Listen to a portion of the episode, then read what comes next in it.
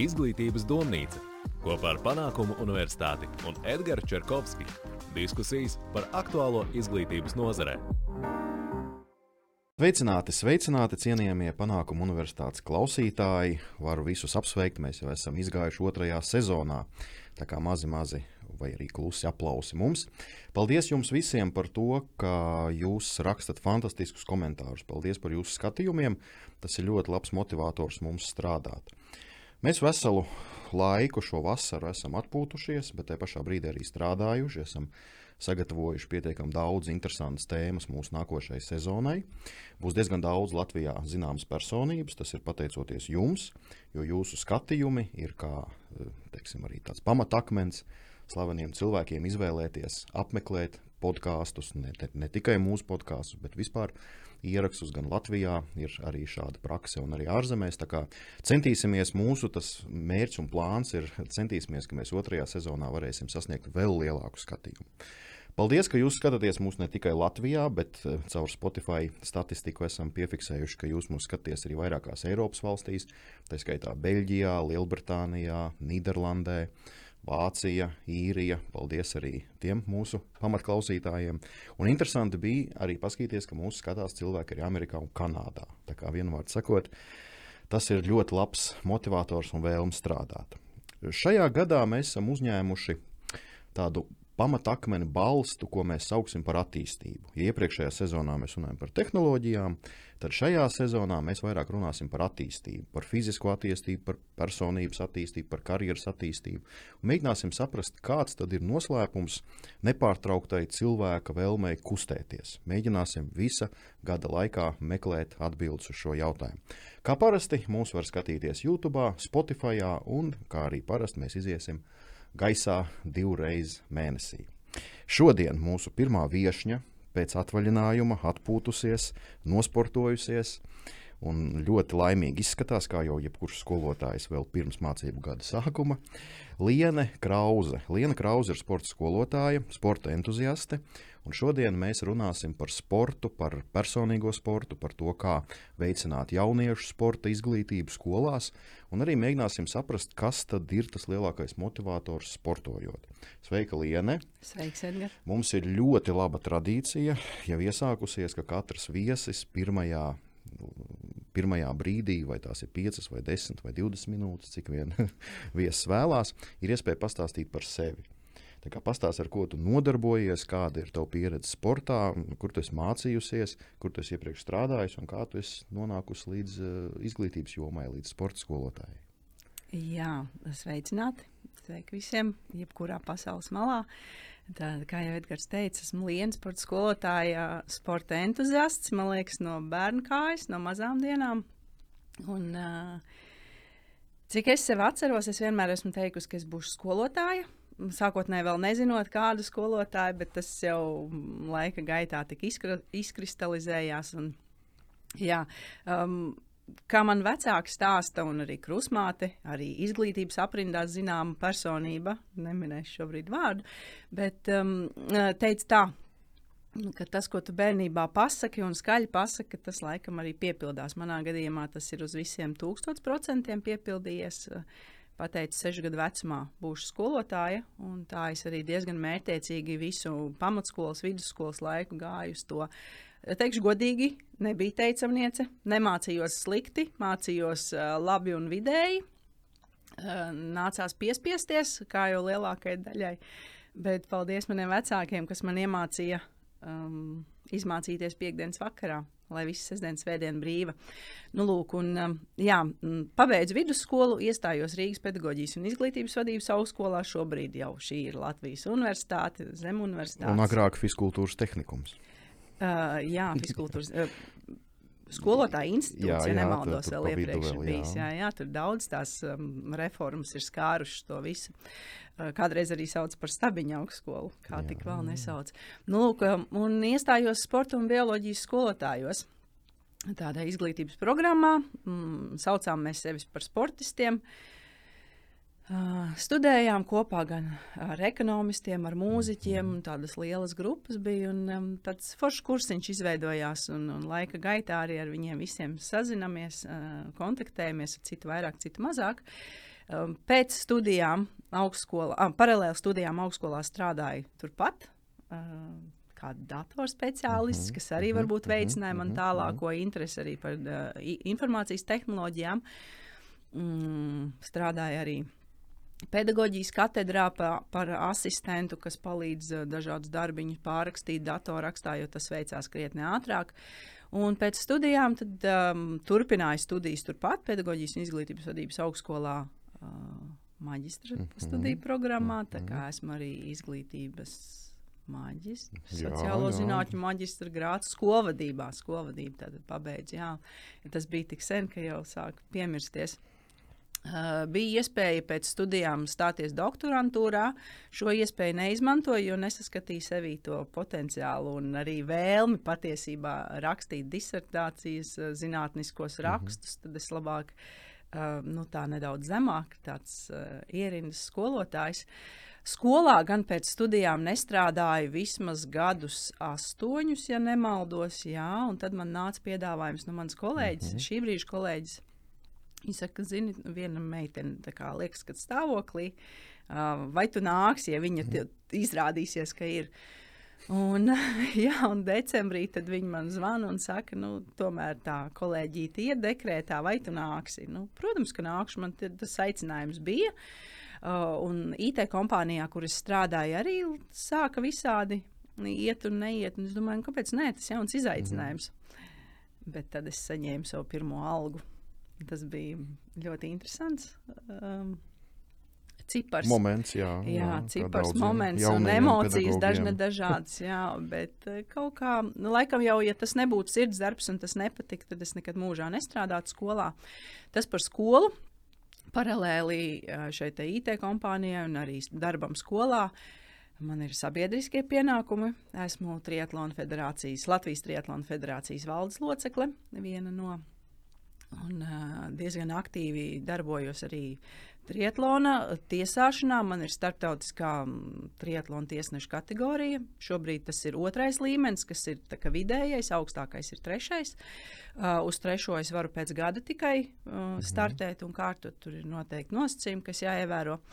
Esmu Latvijas Riteņbraukšanas federācijas um, nacionālās. Um, kā MTB kategorijas, mm -hmm. augstākā kategorija man ir un šosejā ir tā, kā, nu, tā pirmā līmeņa kategorija. Tā kā ar to es varu sev pastis uz pleca ar sportu.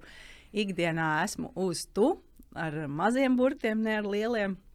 Uh, esmu pieņēmusi vienu tādu izaicinājumu. Šobrīd ir palikušas divas nedēļas līdz Tallinas maratonam. Tas būs 11. septembris, un sāku gatavoties tam nu, jau tad, tad 14 nedēļas atpakaļ, mm -hmm. kopā 16 nedēļu gatavošanās posms. Paralēli tam paspēju aizbraukt gan, uh, jā, paspēju aizbraukt uz um, Tatriem. Tāda tā kā uh, mēs jau smējāmies ar draugiem treniņu nometne. Kāpām kalnos paralēli bija arī jāsaplāno laiks treniņiem, kas ir maratonam nepieciešami. Teikšu, tā bija visai grūti, jo kalnaina virsma, bet nu, tas nav neiespējami. Kaut kā jau tā motivācija jārod. Mm, vēl šīs vasaras izaicinājums man bija tieši pedagoģiskā jomā uh, Latvijas diasporas bērniem. Mhm. Mācīju nu, sporta nodarbības, nu, tās gan minimāli, jo tur bija citiem vairāk atvēlēts laiks, un sociālā zinības, vairāk par mentālo veselību, par emocionālo, par fizisko veselību, kas mums ir nepieciešams, lai mēs justos labi. Tā, tad, nu, tā bija tāda Ei- La Eiropas Latviešu skola, mm -hmm. tāds ir šis te nosaukums. Un paldies Eiropas Latviešu apvienībai, kas man deva šo iespēju un izaicinājumu. Un ceru, ka nākamā gadā mēs noteikti tur atkal tiksimies ar, gan ar šiem diasporas bērniem, gan ar uh, skolotājiem un kolēģiem, kas, ar ko mēs cieši roku rokā strādājām. Uh, kas vēl? Nu, varbūt tādi, teiksim, domāju, ka ļoti interesēs, var arī padalīties tādā nelielā noslēpumā. eh, Runājot par triatlonu, es esmu dzīvē pievērējis divus triatlonus. Pirmais triatlons bija diezgan izaicinošs. Tur man Liena arī palīdzēja ar, ar komentāriem. Jo man liekas, ka triatlonā tīri tā teorētiskā sagatavošanās bija daudz grūtāka nekā pēc tam tā triatlona pievarēšana. Jo tas, kur likt velosipēdu, kur numuru, kas kur kā jādara, kur pārģērbties, tas bija pietiekami sarežģīti. Nu, un arī viens no maniem pusmaratoniem savulaik arī. Nu, nemaz tik savulaik tas, nu, tas kad pieci gadi atpakaļ arī bija pat, pateicoties Lienai, kad bija daži komentāri, ko tur ēst, ko tur neēst. Nu, tādā ziņā medaļas laikam tev ļoti daudz ir. Uh, medaļas man ir daudz, ar tām medaļām ir arī atsevišķs stāsts. Jā, kādas mēs- ir tās interesantākās, tās vērtīgākās? Ne jau tās, ko dod visiem parasti noskrienot, bet tās, kuras ir tās vērtīgākās. Tieši to es gribēju teikt, ka vērtīgākās ir tās, kuras tu pats esi izcīnījis. Un, kur, ir- nu, manā gadījumā tās ir gan pusmaratona medaļas, gan triatlona medaļas. Šogad arī varu palapoties, sev izcīnīt pirmo vietu uh, pludmales spēļu triatlonā, kas notika Ventspīlī. Protams, konkurence. Nu, na, Kāda starpība, kāda konkurence? Pirmā Mhm. vieta ir pirmā vieta. Un, un tas tomēr ir tāds sasniegums, un tā bija peldēšana. Šajā vasarā gan tā bija skriešana pa Baltijas jūru. Bet eh, jā, par, par vērtīgumu runājot, ne tās, ko dod visiem, bet tās, ko tu esi izcīnījis ar saviem sviedriem un um, savu gatavošanos tam visam. Jā. Jā, paldies. Tas tiešām ir interesanti. Un par tām medaļām patiešām tā vienmēr esmu domājis. No vienas puses tā ir motivācija, bet no otras puses, kad tiksim, tu mājās paskaiti, ka tās medaļas pāris simts. Bet beigās, kad tu sāc, kad tev jautā, nu, kur tad ir tās, kuras patiešām es izcīnīju, tad tur tā daudz nemaz tā nevarētu īsti palapoties Jā. ar tiem Nu, tad medaļām. mana vērtīgākā no visām tām, kas ir manas pašas izcīnītas, nevis man kā organizatoram, jo es arī piedalos pie sacensību organizēšanas, dažādas pieminētais mm -hmm. triatlons, skriešanas pasākumi, tad uh, vērtīgākā man ir Blackyard Ultra.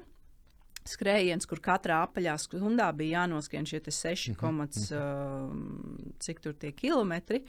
Un, uh, nu jā, tad tu noskrien tos 6,5 km, tad tev ir 10-15 minūtes laika atpūsties, un tad tu skrien nākamo, bet par tām 15 minūtēm tev ir jāpēd, jāpaguļ, kāds izmanto šo laiku gulēšanai, tev ir noteikti jāizsūta dati. Uh, jo šis bija virtuāls, tev jāizsūta dati organizatoriem, un tev paliek divas minūtes, un tu jau stāvi, ah, spied pūksteni, starts, jāskrien. Tad šī bija mana vērtīgākā, tās bija astoņas stundas, ko mēs ar draugiem kopā noskrējām.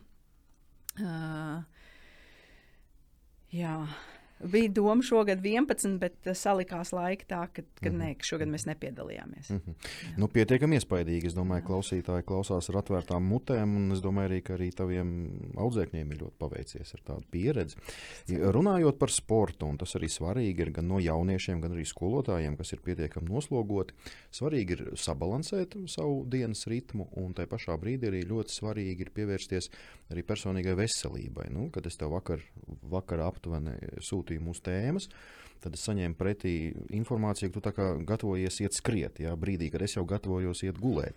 Tad, tad jautājums aptuveni ir sekojošais. Kāds tad ir lienas eh, dienas ritms?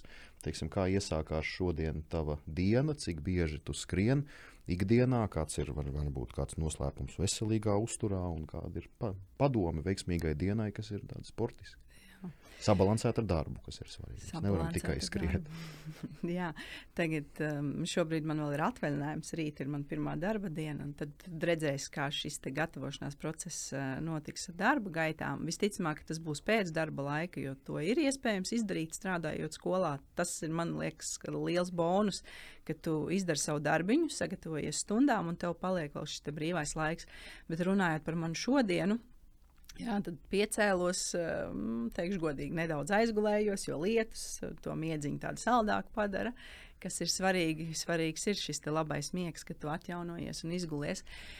Piecēlos, uh, viegls brokastis, brokastīs parasti ir putra, uh, citreiz arī omlete, bet lielākoties tā ir putra, jo nu, to var ātri pagatavot un, un ātri, viegli un ērti, un līdz pusdienām pilnībā pietiek. Nu, tad, pat cik man ir bērniņš, piecgadīgs, tad, tad šodien viņam arī sākās bērngārdas gaits aizvest uz bērngārdu un tad skrien uz darbu. Nu, ja tā ir darba diena, šajā gadījumā es lēnā garā iekāpu mašīnā, atbraucu līdz centram, noslinkoju, nenācu kājām, nebraucu ar interneti. Un um, nu, nākamais tad. Um, Dienā, nu, ja mēs runājam par darba dienu, tad es daru kaut kādus savus nu, vai nu skolai nepieciešamos darbus, vai, vai kādam projektiņam darbus. Uh, mājas darbus izdara, kas tagad mēnesi nesot mājās, ir diezgan sakrājušies, bet nu, to visu var izdarīt. Nu, tad es skatos atkarībā no tā, ko man mans treneris, jeb um, es viņu nedrīkst saukt par treneri, jo viņš saka, nē, nē, nē, nesauc man tā, sauc man vienkārši par savu atbalstītāju, mm. tava treniņa plānu uzraudzītāju, bet nu, man tīri intuitīvi gribas teikt treneris, jo tomēr viņš man sniedz padomus gan veselīgā uzturā, gan, gan šajā treniņa plānā. Un tad es paskatos uh, aplikācijā, ko viņš man šajā nedēļā ir salicis. Šodien man ir atslodzes diena, bet vakar, kā jau mm. tu mm. minēji, man bija jāiet skriet. Vakar bija jāskrien 20 km. Tas bija nedēļas, nu, tā kā katru nedēļu ir viens garais treniņš. Šis bija tāds vidēji garš. Uh, un, um, jā, par to motivāciju vakar bija diena, kad es no rīta neizskrēju, pat cik es biju naktī atgriezusies no šī savu ceļojuma. Un es nevarēju nekādu saņemties. Tā notiek. Tas ir tikai normāli un cilvēcīgi. Un es sev biju pateikusi, ka es skriešu vakarā. Mm, pūkstens sešos būtu pēdējais brīdis, kad man tos 20 km skriet, jo tas man bija divu stundu laikā jāizdara. Uh, Un es sešos nevaru, nevaru, nevaru. Un jau pūkstens ir jau pusi astoņi, un saprotu, ka arī nevaru. Bet beigās tomēr uzvilku šīs ķēdes un izgāju 6 mm. km izskriet. Tie gan bija tikai 6, bet ātri 6, kas arī līdzvērtīgi aizsūtīja trenerim. Treneris piedod, viņš man atsūta dūrīt. Nu, labi, ka tu saņēmies, nu vismaz kaut ko izdarīji. Jā, nu un šodien tā atslodzes diena, bet šodien es arī iešu skriet ne to garo, ko es gribēju, bet ļoti labi, ka ir kāds, kas uzrauga, kas pasaka, nē, tev nevajag to garo skriet, tev treniņš ir sarakstīts nedēļai, skrien īsu 45 minūtes un izkusties vispār. Uh, ir tā, ka ir grūti saņemties, bet um, saka jau, ka svarīgākais ir uzvilkt tās kedas Bet es esmu arī nosēdējis ar kēdām mugurā. Nu, visā pilnā ekipējumā stundu nosēdi, un tad tu saproti, nu, ka viss ir pēdējais brīdis, ir tas kliņš, ka tev ir jāiet un, un jāskrien. Nu, ir grūti saņemties. Jā, nu, laikam tas atslēgas vārds ir mierīgs treniņš 20 Mier... km garumā. Jā, jā tas tā daudziem ir mūža mērķis. Jā, nu, mot, eh, vēl šī paturpināšu par to motivāciju. Nu, tā motivācija noteikti man ir tas maratons, um, kurš man visu laiku nesalikās manā galvā, jo maratons ir gal... Eh, manā izpratnē tas ir skrējiens galvā. Tas nav par fizisko. Fiziski mēs, jā, man liekas, jebkurš varam, mēs viņu varam nostaigāt, notipināt. Jā, jā, Bet jā. man nesalikās, un tad šogad bija pēc. Um, Rīgā es noskrēju pusmaratonu, tas man bija tāds treniņš skrējiens. Un, uh, un salikās, un es teicu, nu, es pamēģināšu. Un bija tas klikšķis, un tas gatavošanās process ir pilnīgi savādāks. Tu skrieni, tu smaidi, tu lido, un tu aizēji uz treniņu saguris. Un es atnāku noskrējis 15 km, mm -hmm. un man draudzene turpatās. Viņa saka, bet tu taču vienkārši staro. Nu, lūk, tā tad, ko es arī saviem draugiem, radiem, paziņām un arī skolā skolēniem saku, enerģija ražo enerģiju. Un jo tu vairāk kusties, jo tu vairāk dari, jo tu vairāk paspēji un, un izdari. Jā. Es atceros, uh, Zilajos kalnos bija mm, pirms neilga laika, vēl pirms pandēmijas, kāds 18, 17 gads MTB. Un tu tur arī, man liekas, organizēji un pat vēl arī piedalījies. Un kas bija pats interesantākais, ka, ja es nešaubos, tad Liena vēl no Imantas līdz Ogrei uz turieni aizbrauc ar, aizbrauc ar riteni. Uh, norganizēja, piedalījās un vēl atbrauca atpakaļ. Pareizi. Uh, tajā gadā es uz turieni aizbraucu, mani atveda. Es atpakaļ braucu atpakaļ ar riteni. Atpakaļ jā, es braucu riteni, jā. To es esmu piefiksējis, jā, ka bieži vien, kad ir kaut kādi lieli pasākumi, tad vēl uz turieni tiek riteni. Un tā, tas vispār apbrīnojami arī mans kolēģis Anatolijas Danilāns, profesors, gastroenterologs. Mm -hmm. Arī viņš katru dienu piever 14 km neatkarīgi no laika apstākļiem. Arī tas nepārtrauktais dzīves stils un kustība. Bet jautājums arī, es domāju, ka man tas ir aktuāls un daudziem citiem kā šajā gadījumā, ņemot vērā, tiešām tas ir profesionālais sports, tā ir pedagoģija un tik daudz, kas visā dzīvē ir saplānots, kā tomēr ir ar atpūtu, bet ar atpūtu tādu var, varbūt, kas nevienmēr saistās ar veselīgu dzīvesveidu. Vai visā šajā tavā ritmā ir laiks arī, kas jauniešiem arī ir interesanti un svarīgi, kad ballīte, varbūt kad kāds vīna vakars vai tāds, tas viss ir pilnīgi izslēgts vai tomēr tas ir pieļaujams? Nu, manā gadījumā tas nav izslēgts. Mm -hmm, labi, tas jau skan labi. Manā gadījumā nav izslēgts, un es arī skolā skolēniem saku, nu, ja tev gribas aiziet uz to McDonald's, gribas apēst mm -hmm. burgeru, no apēdi, mm -hmm. bet nē, viņu katru dienu. Jā. Uh, jā, protams, tas ir neveselīgi. Tur ir daudz cukura, tur vēl visādas citādas lietas. Es par to nerunāšu, es negribu iebraukt auzās. Bet es saku, jūs taču varat ēst visu. Skautē, jūs ēdat čipsus, jūs ēdat uh, žēlēju konfekts. Es saku, jā, es ēdu, bet es to visu nodedzinu, es kustos un es daru. Es nesēžu pie televizora un, un negraužu. Jā, es izdzeru arī vīna glāzi. Ne, nenoliekšu, es izdzeru arī alus glāzi vai alus pudeli, jo man garšo.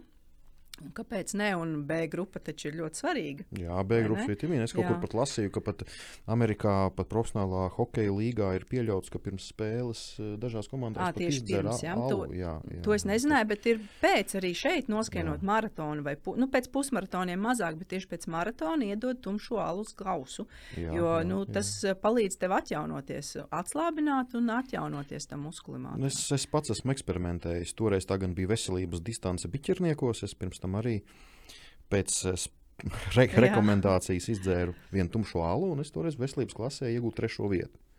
Tā bija mana pirmā medaļa, kas nebija iedota tāpat viena, bet tā bija pirmā medaļa, kas patiešām pirmā un vienīgā, sauksim, lietas īstajos vārdos.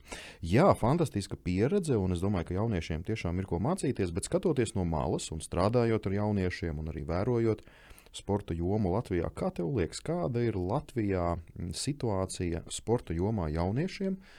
Kā, kādi ir mīnusi, varbūt ko varētu uzsvērt kā labo? Kā, kā tu vispār noraksturotu mūsu jauniešus Latvijā sporta jomā?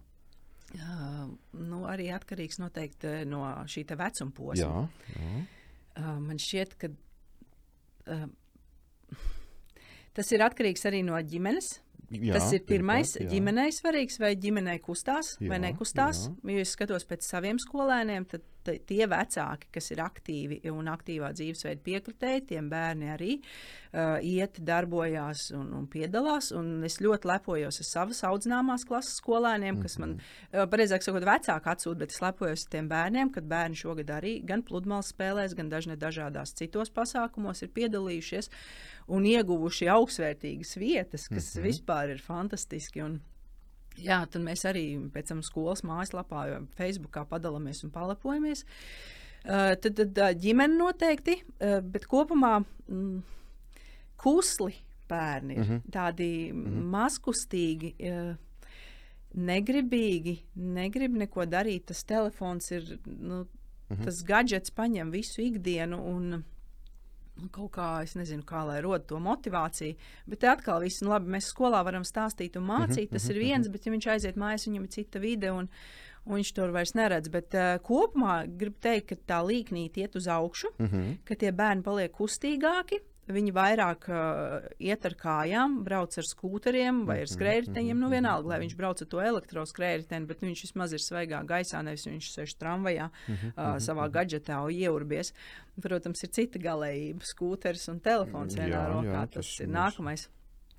Bet, uh, Ļoti pozitīvi ir tas, ka es kā skolotājs spēju motivēt arī šos bērnus kustēties tādā ziņā, ka varbūt ka ne, ne vārdiski motivēju, mm -hmm. bet es eju un kustos, un viņi pie skolas sēžot, redz, ka es tur noriņķoju kādu apli. Es teikšu, mm -hmm. atklāti, es reizēm diezgan apli, apzināti izskrienu caur skolas pagalmu.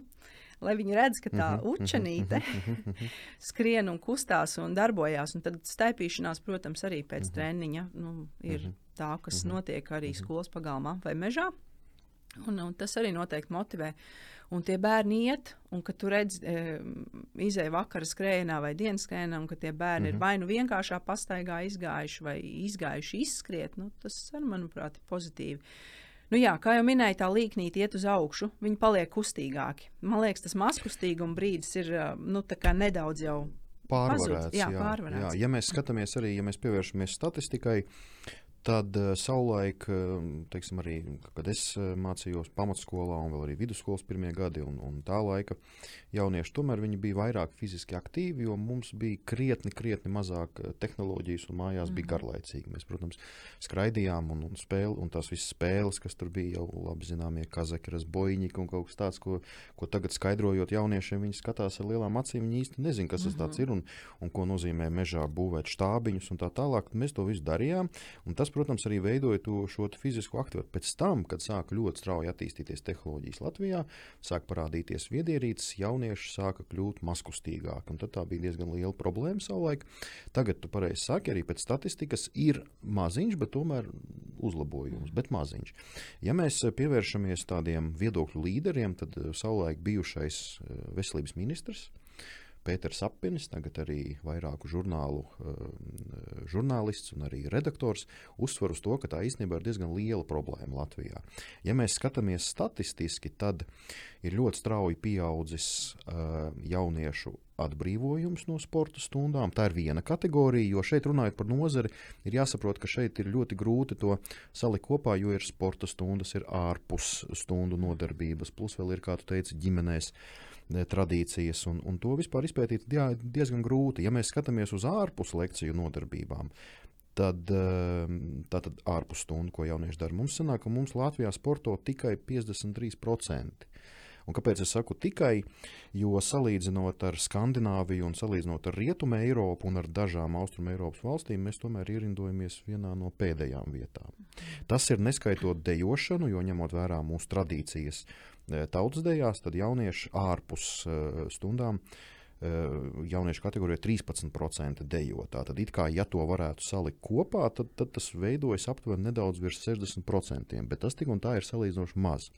Nu, kā tev liekas, nu, kur ir tā liel, vislielākā problēma? Tiešām tajās tehnoloģijās, ka viņiem tur ir interesantāk. Tad var, tā varbūt vajag kaut kādīgi tās tehnoloģijas integrēt sportā, lai viņi skrien un skatās.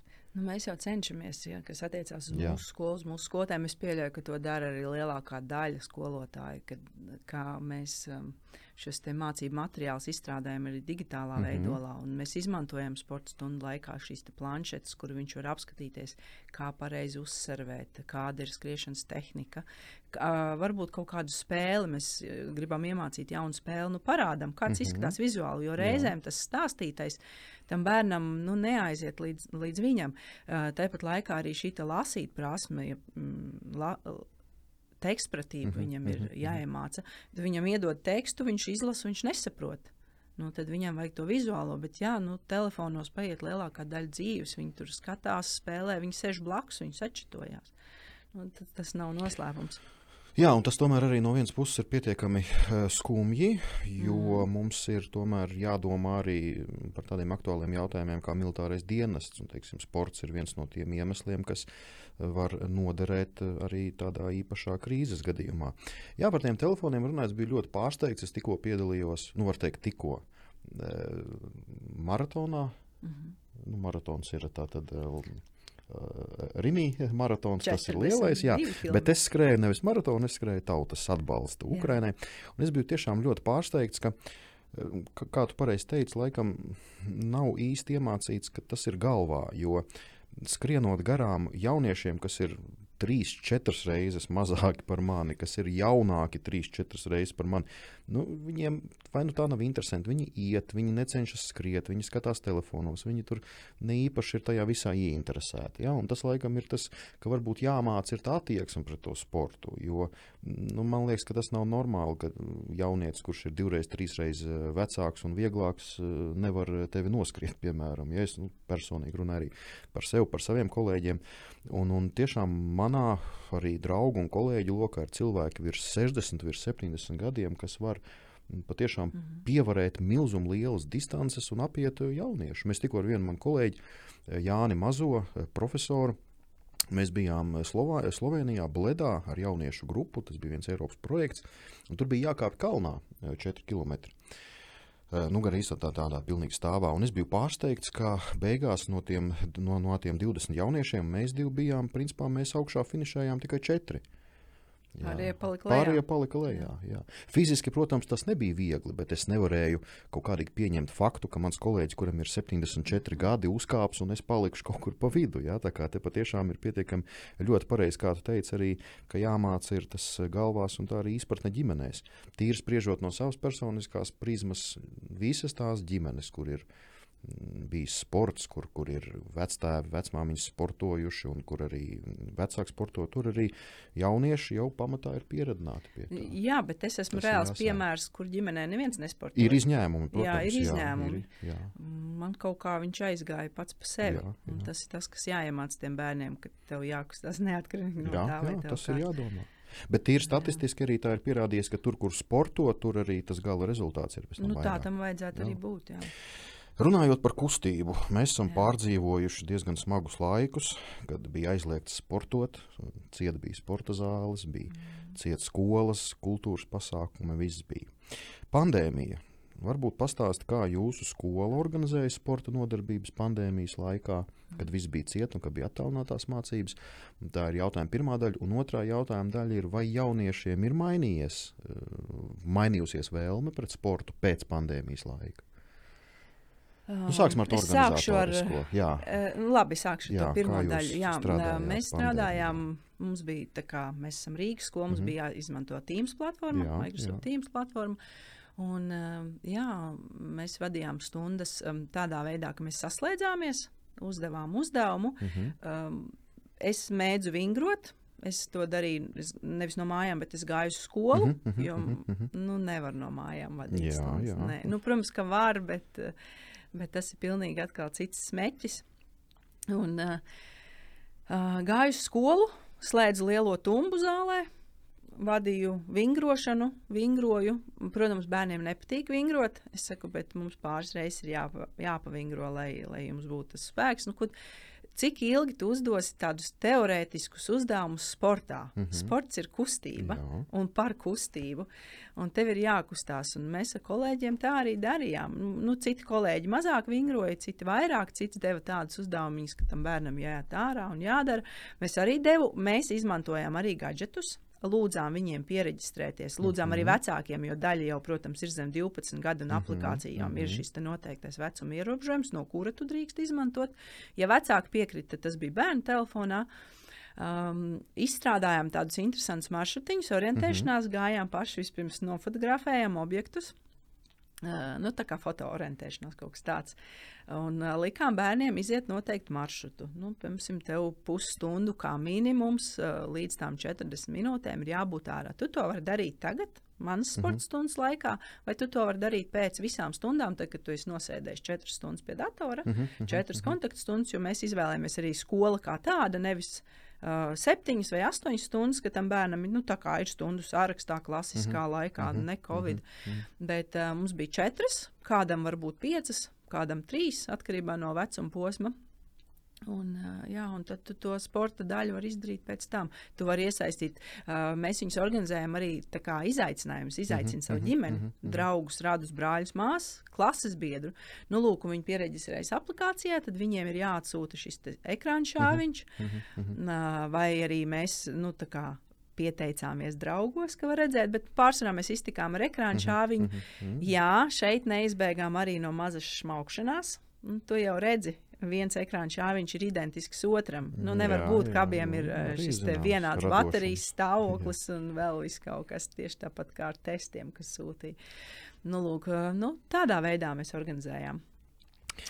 Tas jā. ir pietiekami interesanti. Un sports tiešām es uh, sākotnēji pirms pāris gadiem biju diezgan skeptisks, bet es pārliecinājos par to, ka sports tālmācībā un attālinātajā mācībā ir iespējams. Un ir. Iepriekšējā mūsu arī viesņa uh, bija direktora vietniece no Rīgas tālmācības vidusskolas, kur mēs tieši runājam par tālmācību, un arī bija jautājums tieši par sportu, kā to organizēt. Un es pats esmu piedalījies attālinātajās sporta stundās, kur mm. viss ir atkarīgs tikai un vienīgi no paša jaunieša. Tur varbūt nav tik ļoti tas skolotāju uzraudzības princips, bet, bet tie, kas grib, patiešām var, var sportot. Tāpēc es biju ļoti, nu, neteikšu, ka skeptisks, bet ļoti bišķiņ vīlies eh, tajā akcijā, kas bija pandēmijas laikā, gribu sportot. Ja? Mm -hmm. Ka ļoti daudz protestēja un, un sociāli tīkli bija pilni. Bet man tajā pašā brīdī likās, nu, ja sporto, nu, sporto. tas, ka ir ciets sporta zāles, tas nenozīmē to, ka tu nevari staigāt pa takām, skriet un Jā. tādā ziņā eh, nekas nav. Nu, un tad, tad tā, tā otra jautājuma daļa. Kā tad pēc šiem pandēmijas gadiem, kā mainījās jaunieši? Palika dušīgāki, palika mazāk aktīvi. Uh, Nu, Kādi ir novērojumi? Mm -hmm. nu, ir tā, ka atkal jāsaka, vieni palika, vieni mhm, nepalika. Mm -hmm, Citi mm -hmm. sāka kustēties vairāk. Šī ir tā pašvadīta mācīšanās, nu, mm -hmm, mūsu mm -hmm. gadījumā, uh, ka skolēni uh, gāja, kustējās. Viņiem bija sevi jāpiespiež. Mhm. Protams, mm -hmm. atkal ir tādi, kas to nedarīja, bet uh, es teiktu tā, ka te atkal ir tas neliels, bet mm -hmm. uzlabojums mm -hmm. uz augšu, ka skolēni kļuvu kustīgāki. Mm. Jā, es teiktu, ka, jā, ka, ka pandēmija. Nā, nāca pa labu jā, kaut jā, kādai daudz. daļai skolēnu. Jā, dažās lietās, jā, Jā. pilnīgi taisnība. Un, nu, jā, mēs tagad runājam par to nākošo semestri. Ir, protams, visādi viedokļi, bet nu, atceramies to, ka Covid-19 nekur nav pazudis. Jā. Un iespējams, ka visi tie padomi un iespējams viss tas, kas tika jau izveidots kā labā prakse, būs vēlreiz jāpielieto. Jā. Tā kā gatavojamies, neaizmirstam par to, ka mums var nākties arī sportot atkal savādākajā, ierastajā veidā. Skola 2030. Jaunais standarts iepriekšējā gadā ieviests, katru gadu mm, vairākas diskusijas, daudz ir par, daudz ir pret, ir mainījušās vispār mācību priekšmetu koncepcijas, ir pazuduši vairāk priekšmeti. Piemēram, manā mm, ekonomikā ir, ir, ir pazudis šis eh, nosaukums ekonomika, tagad tās ir sociālās zinātnes. Kā ir ar, mm, kā ir ar sportu un kā ir padomāts par sportu jaunajā standartā 2030, jo, cik es saprotu, vairs nav stunda vairs nesaucās sports, ja viņi ir apvienoti kā sp sports un veselība. zinības, laikam, kaut kas bija tāds. Ja? Un tagad Man tā vēl liekas, jā, ka tas, nu, jā, tāpēc, ka jā, tas jaunais jo viņš mēs tikai iestāsies. Jā, jā, mēs saucam jā, Sports jā. un Sports un veselības mācība, jā, vai veselības- sports un veselības uzturs, jā. uzturs, jā. Es arī, es kā kārtīgs skolnieks, es vēl neesmu pieradis pie jaunajiem priekšmetiem. Es apsolos visi skolotāji, kas klausās. Es iziešu cauri gan pamat priekšmetiem, gan specializētajiem, un tagad ir arī, arī padziļinātie kursi. Es pie tā visa mācos, man tas vēl ir jauns, bet patiešām vairākas stundas ir pazudušas. Eh, Varbūt var nedaudz paskaidrot, paskatīties, kā ir mainījies eh, sporta organizācijas. Nu, pareizāk teikt, kā mainījās sporta orga- organizācijas stundās. Jo, teiksim, es, kad biju mm, skolnieks, mums vispār mums saucās fiskultūra, mm. pēc tam bija sports, pēc tam atkal tur pa vidu bija kaut kāda sporta mācība, vēl kaut kas tāds. Nu, ja tu salīdzinātu, piemēram, sevi kā skolnieci un tagad sevi kā skolotāju, var, mm, teiksim, kā mainījās pati stundas organizācija, kas ir labs un kas labs ir šajā jaunajā standartā? Jā, nu, pa lielam jau mm, tās sporta stundas būtība jau nav mainījusies. Jā. eh, Bet tad, kad es kā skolēns, kā skolnieks mācījos, tad um, vairāk mēs spēlējām sporta spēles. Mhm, mhm, mhm. Jā, mums bija arī vieglatlētika un, un dažādi citādi sporta paveidi, bet lielākoties, cik es sevi atceros, bumba. Mhm, mhm. Jā, Darīt. jā, jā, jā, jā, Jā, jā, tas jā. bija tad. Šobrīd sportā, un arī pēc šī jaunā skola div- 2030, ir um, šī pašvadīta mācīšanās, Mhm, kad mhm. tam sko- tev ir jāiedod uh, informācijas avots. Un skolēnam pašam ir jāmeklē informācija, un, un Mhm. vai nu tie, kas ir uh, varbūt vērīgāki un uzmanīgāki, tie var pamācīt citam. Nu, Mhm, Piemēram, Edgars ir mhm, uh, atjautīgāks un mhm, pamāca mhm, kādam, kā mhm. pareizi uzsverēt bumbu vai, vai kā pareizi šo tālumā aizlikt. Mhm, mhm. Uh, nu, jā, pēc jaunā standarta vairāk ir šī skolēna jā. darbība, skolēna pašvadīta mācīšanās un, un uh, informācijas meklēšana. Tev ir tikai jāiedod tas pirmais impulsiņš, Mhm, lai viņš mhm, zina, mhm. kur un ko. kā. Jā, jā, jā. Jā. Tas ir tas, kas man patīk jaunajā standartā, ka Jā. tur eh, 70% ir pirmkārt skolēnu atbildība un 70% ir jādarbojas skolēnam pilnīgi visos Jā. priekšmetos. Sportā, man liekas, tas ir tieši interesanti. Bet kā ir ar standartiem? Vai ir mainījušies standarti, prasības pret eh, sporta rezultātiem? Uh, mēs nekas tādus rezultātus nedrīkstam prasīt. Tagad ne? vairs tas tā nav. Nē, jā. atceries, Mhm, kādreiz, kad mēs mācījāmies, jā. mums bija tāda tā normatīva jākļūt. Jā, jā, jā, tas Tā, bija. Tas tādu nav, nav jau. vairs, jā. Nu, es skolā strādāju jau šis būs astotais gads. Mhm. Jā, astotais. Un, uh, uh, manuprāt, jau četrus gadus noteikti nevar. Ne, nav vispār tādu normatīvu. Bet kā tu jūs vērtējat, piemēram? Jo, uh, mums, mēs vērtējam dinamiku. ah, Jā, nu, tas ir kā paslēpts zem vārda dinamika. mhm, jā. Bet, uh, tu, piemēram, septembrī tu vari viņam iedot kaut kādus uh, atskaites punktus. Nezinu, aizliet tālumā, izskrien kaut kādu distancīti un, un pierakst šo rezultātu. Un pēc tam pavasarī mm -hmm. vēlreiz, un mm -hmm. tad skaties, vai viņam ir uzlabojums vai nav uzlabojums. Tādā veidā. Uh, ir skolas, cik es zinu, kad arī šo vairs nedara. Mhm. Bet tad, tad kāda motivācija jaun, tam jaunietim vispār ir kaut ko darīt? Nu, šādā veidā, paslēpjot zem vārda dinamika, tu vismaz kaut kā uh, vari viņu motivēt. Nu, ja tu mm -hmm. darīsi to un to, tad tev mm -hmm. rezultāti uzlabosies. A, kam man tas vajadzīgs? Mm -hmm. Kur man tas dzīvē noderēs? Tas ir tāds uh, klasisks jautājums. Kaut gan arī šis jautājums vairs neizskan tik bieži no skolēnu puses, viņi jau ir motivētāki un uzņēmīgāk kaut mm -hmm. ko darīt. Jo kādreiz visai biegli, bieži bija. Nu, jā, vienam patīk basketbols, vienam volejbols, citam florbols, jā, jā, jām zirdziņi. Kur man tas dzīvē noderēs? Es saku, tev tas varbūt arī nenoderēs nekur dzīvē, bet tas tev attīstīs fiziski, uh, Tas tev arī um, smadzeņu darbībai ir nepieciešams, lai tu to pašu matemātiku varētu izprast. Jā, tev jā, pienāks kābeklis smadzenēm, un tu vari darboties. Jā, IQ līmenis arī sportā arī tiek atsevišķi mērīts. Jā. Tas ir um, arī tāda slavena bilde, ir, ja, kad, kad visi zvēri stāv rindā, tur zilonis, žirafe, mm -hmm. pīle, tur pērtiķis, jā, vi, visi zvēri. Un tad, tad lauva, kā, kā sports skolotājs saka, šodien būs standarts visiem kāpt kokā. Nu, un, principā, vinnē pērtiķis. Ja vispārējie nezinu, ko tie gadījumā darīt. Jā, tas ir. Mēs laikam patiešām kļūstam daudz izglītotāki kā sabiedrība, un mēs saprotam, ka tie standarti paiet nost.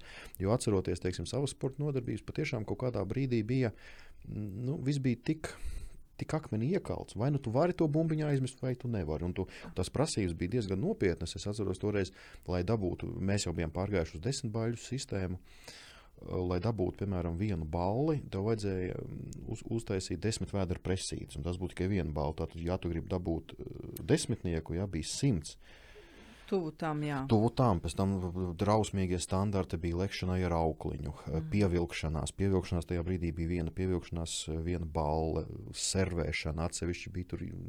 Tas bija vienkārši patiešām diezgan, diezgan sarežģīti, mm. bet nu, mums lielākā daļa ar to tika galā. Un, un, un, nu, jā, bet tagad arī skatoties to, kas notiek sporta nodarbībās, laikam tas uzsvars vairāk tiešām ir liks to individualitāti. Uh, uz individualitāti un vispār uz, uz kustību kā tādu, mm -hmm. uz prieku. Uh, viens no jaunā standarta nu, novērtējumiem, prasībām, ka skolēns gūst prieku. Lai viņš gūst prieku, jā, jā, jā. nav tā, jo, jā, jā, gūst jo prieku mm. kaut ko darot.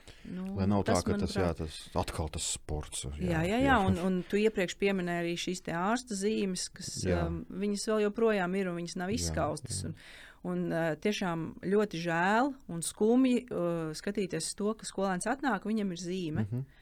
Uh, bet tāpat laikā viņam tāda piebilde, mm -hmm.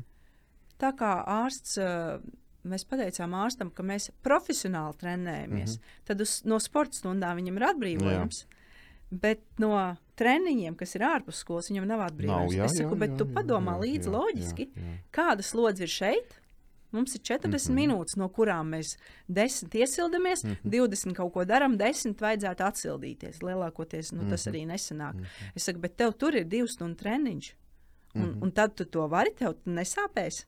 Nu, jā, skolotāji, tā jau ir, bet nu, te ir atkal ārsta atbildība. Tas ir noteikti cits sarunas. Nu, jā, temats, jā, jā. Tas, par to mēs vēl arī esam par nākošajos mm. vienos podkāstos arī runāsim par tādu vairāk jauniešu veselību, gan mentālo, gan fizisko. Jā. Tā kā būs interesanti parunāt. Um, jauniešu attieksme konkrēti pret tavām sporta nodarbībām. Kā tu, kā tu teiksim, kad, kad jaunieši ienāk zālē, teiksim, kā tu jūti? Viņi ir kāds, kurš varbūt grib tur nedaudz tur, nu, sliktāk uzvesties, vai teiksim, ir kāds, kurš vairāk.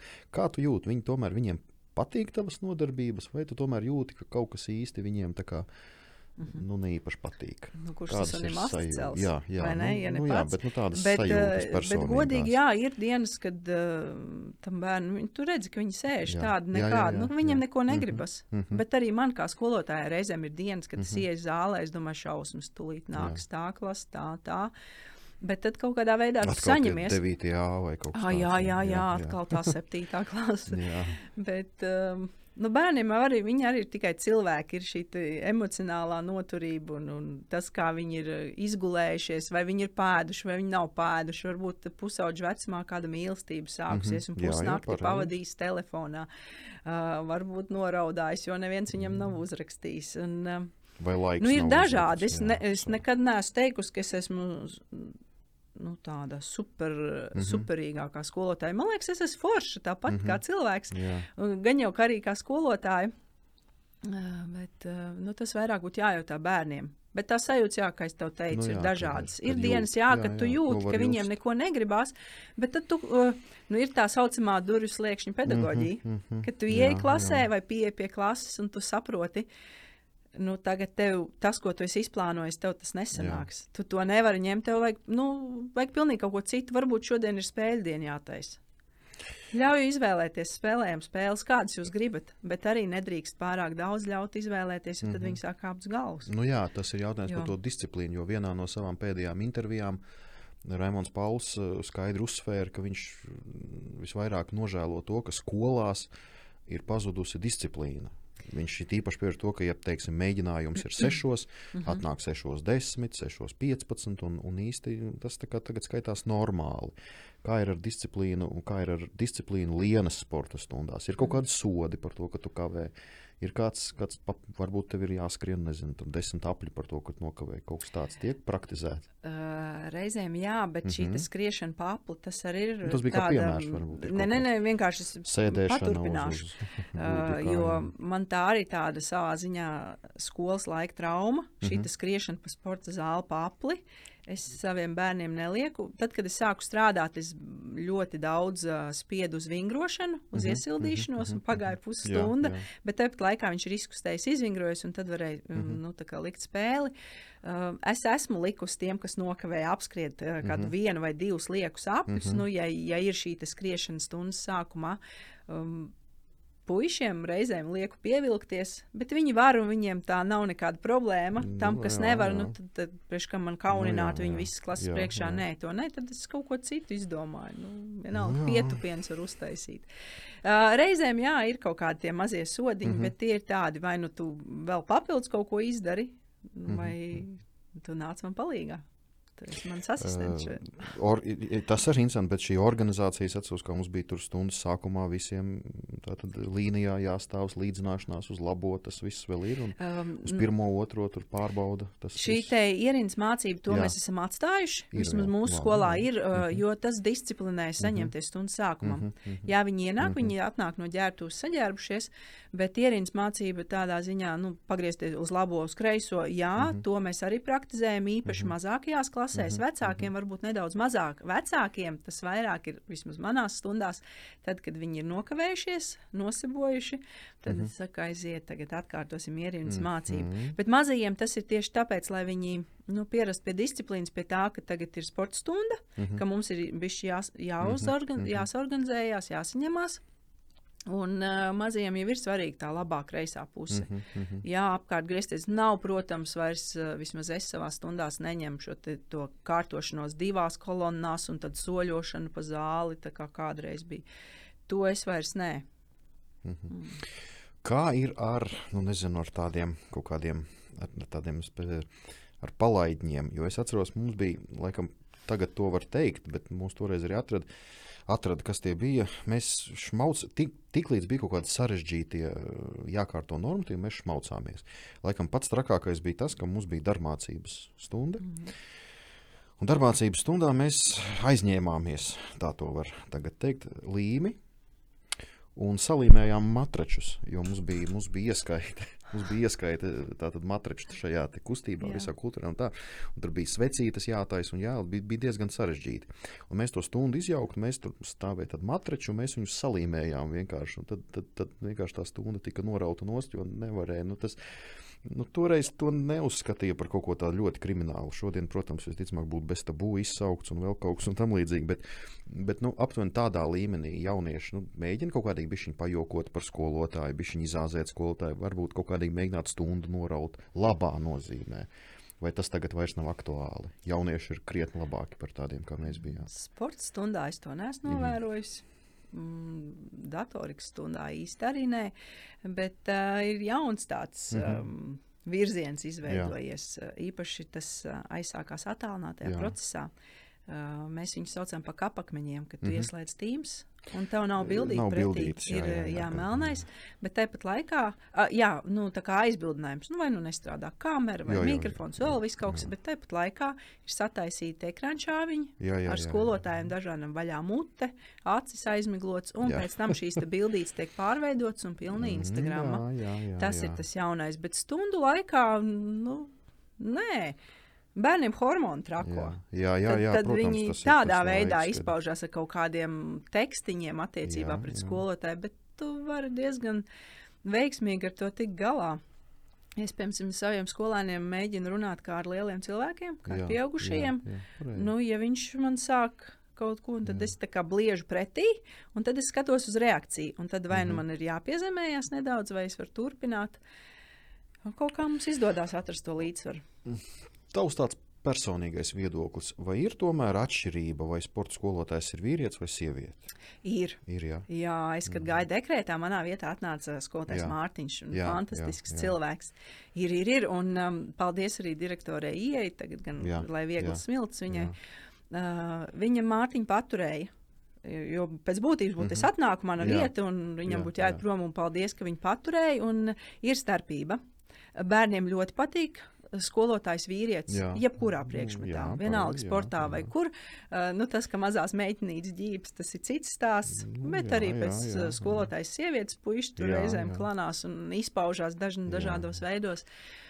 Ir, ir noteikti jūga, jūtams pret vīrieti. Ir, um, es teiktu, ka pat varbūt lielāks respekts reizēm kā pret, skol, pret skolotāju sievieti. Man mm -hmm. šķiet, ka mm -hmm. tomēr nu, kaut kādā laikam vēsturiski, mhm. nezinu, vai kāds ir mhm, izveidojies, mhm, bet jā, nu, jā. ir. Respektē abu dzimumu skolotājus, bet, mm -hmm. bet vīrietis ir. Man arī patīk skolotājs mm -hmm. vīrietis. Man bija. Um, tad, kad es mācījos, mums bija tā, ka meitenēm mācīja sieviete un puišiem vīrietis, bet bija viens tāds periods, kad mums tikai šis te, mm, skolotājs Armāns mācīja. Ir, ir. Mm -hmm. Jā, respekts. Jā, un, un otrs ir arī, man te sanāca tāds interesants gadījums, mani bija uzaicinājuši.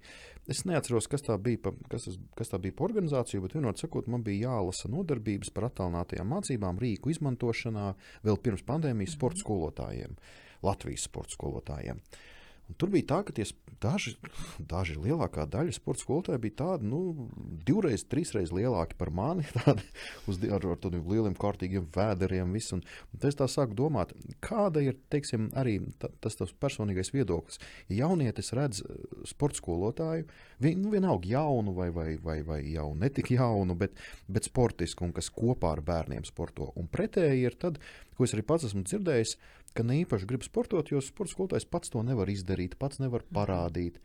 Tomēr tam ir kaut kāda loma. Visticamāk, ir. Jā. Tam ir ļoti liela no, loma, un tāpēc um, es arī varu sev sist pa plecu. Jā, uh, ka es vienmēr esmu vingrojis kopā ar mm -hmm. bērniem. Uh, tas, protams, um, no tāda, nu, ja es būtu treneris, tad mm -hmm. tas mhm. būtu nepareizi, jā, jo man jā. ir jālabo kļūdas. Jā, jā, un jā. Maziem bērniem tas ir arvien grūtāk, nu, kad tu parādi vingrinājumu un tu celies augšā. Viņš arī mm -hmm. domā, ka tev jāceļās. Mm -hmm. Un tad es vairākas reizes piekodinu. Es saku, jā. nē, tagad mēs darām, es piecelšos, mm -hmm. es katram pieiešu klāt un pārbaudīšu, paskatīšos, kā tu vingro.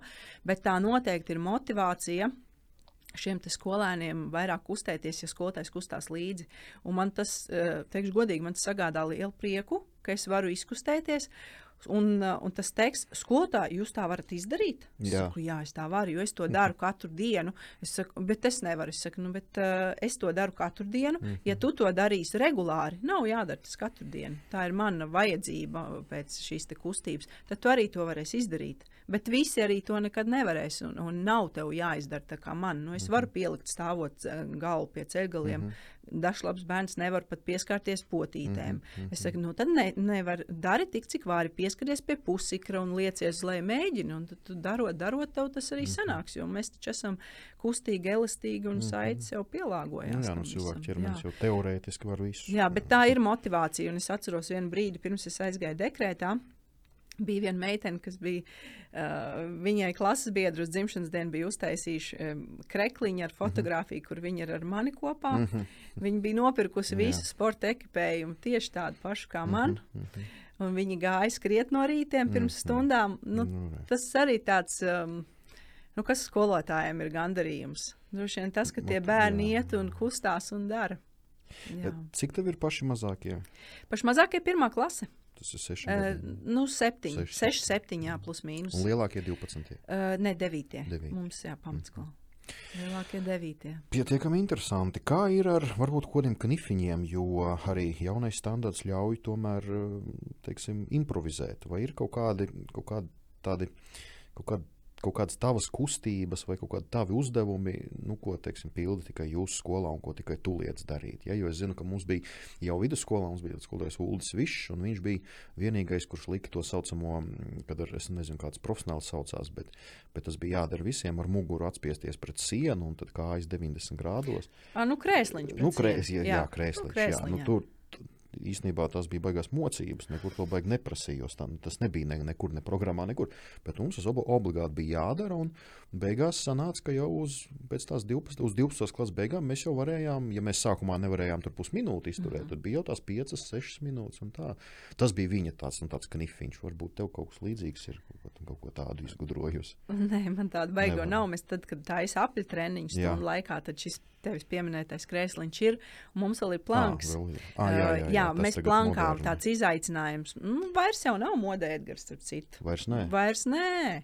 Bet um, mēs darām tā, ka septembrī mēs arī sākam trenēties. Nu, tāda 30 sekundes pirmais nostājamies, un tad, tad stāvam, un cik mums mm -hmm. līdz pavasarim sanāks. Mm -hmm. Nu, ir, ir stundas, kad tu to neizdari, bet mm -hmm. vienalga viņi kaut kādā veidā sevi motivē un darbojās. Mm -hmm. nu, tad es teiktu, ka planks ir mans, jā, krēsliņš varētu būt, uh, ko varbūt biežāk iedot. Un tas varētu būt arī kā nu, tā saucamais sots. Mm -hmm. Jā, jā, jā. jā, jā aiziet krēsliņā, minūti nosēdi, nu, ka tev viss vibrē un ka tu nevari vairāk.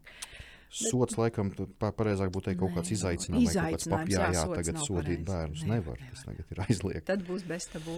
Jā, un, un tad viņiem rodas tāda sajūta, ka viņi ir radīti kādam cēlam mērķim. Tā ir. Kā ir ar ļoti svarīgi ir arī skolotāja mm, entuziasms. Jā? Un, teiksim, to var attiecināt uz, uz ļoti daudziem. Piemēram, ja ir kārtīgs fanātiķis geogrāfijas skolotājs, bērni brauc laivot un, un kāpj klintīs un staigā pa mežu un, un, un, un, un tā. Kāda loma ir arī sporta skolotājiem tieši ārpus stundu nodarbību organizēšana attiecībā uz, uz pulciņiem, uz tādām lietām. Un arī kāda loma ir tajā, ka bērns iemīl to sportu un varbūt jau 12. klasē izvēlas jau profesionālo sporta skolu. Teiksim, cik tas ir? Ir tomēr sporta skolotājiem jādara vairāk nekā ir noteikti standartā. Pareizi.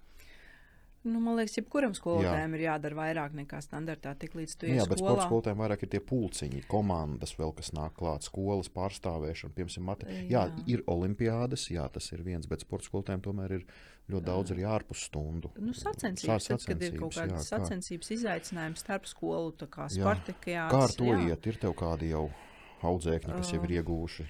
Labas vietas? Nu, man pašai gluži nē, jo mm -hmm. es netrenēju būs, basketbolā, būs. bet noteikti būs. Jā, à, nu, tad, tad es varu uh, pieminēt skrējējs viens. Viņš gan aizgāja uz tālmācību, mācīties, jo jā. nevarēja apvienot ar mm, profesionāliem treniņiem uh, puisis. Bet, um, Nu jā, viņš bija no tiem, kuriem es arī mācīju sportu, bet tas gluži nebija manā iespējā. -hmm. Viņam vienkārši ģimene aktīva un, un puisim skriešana ļoti, ļoti patika, un viņš, viņš ātri skrien. -hmm.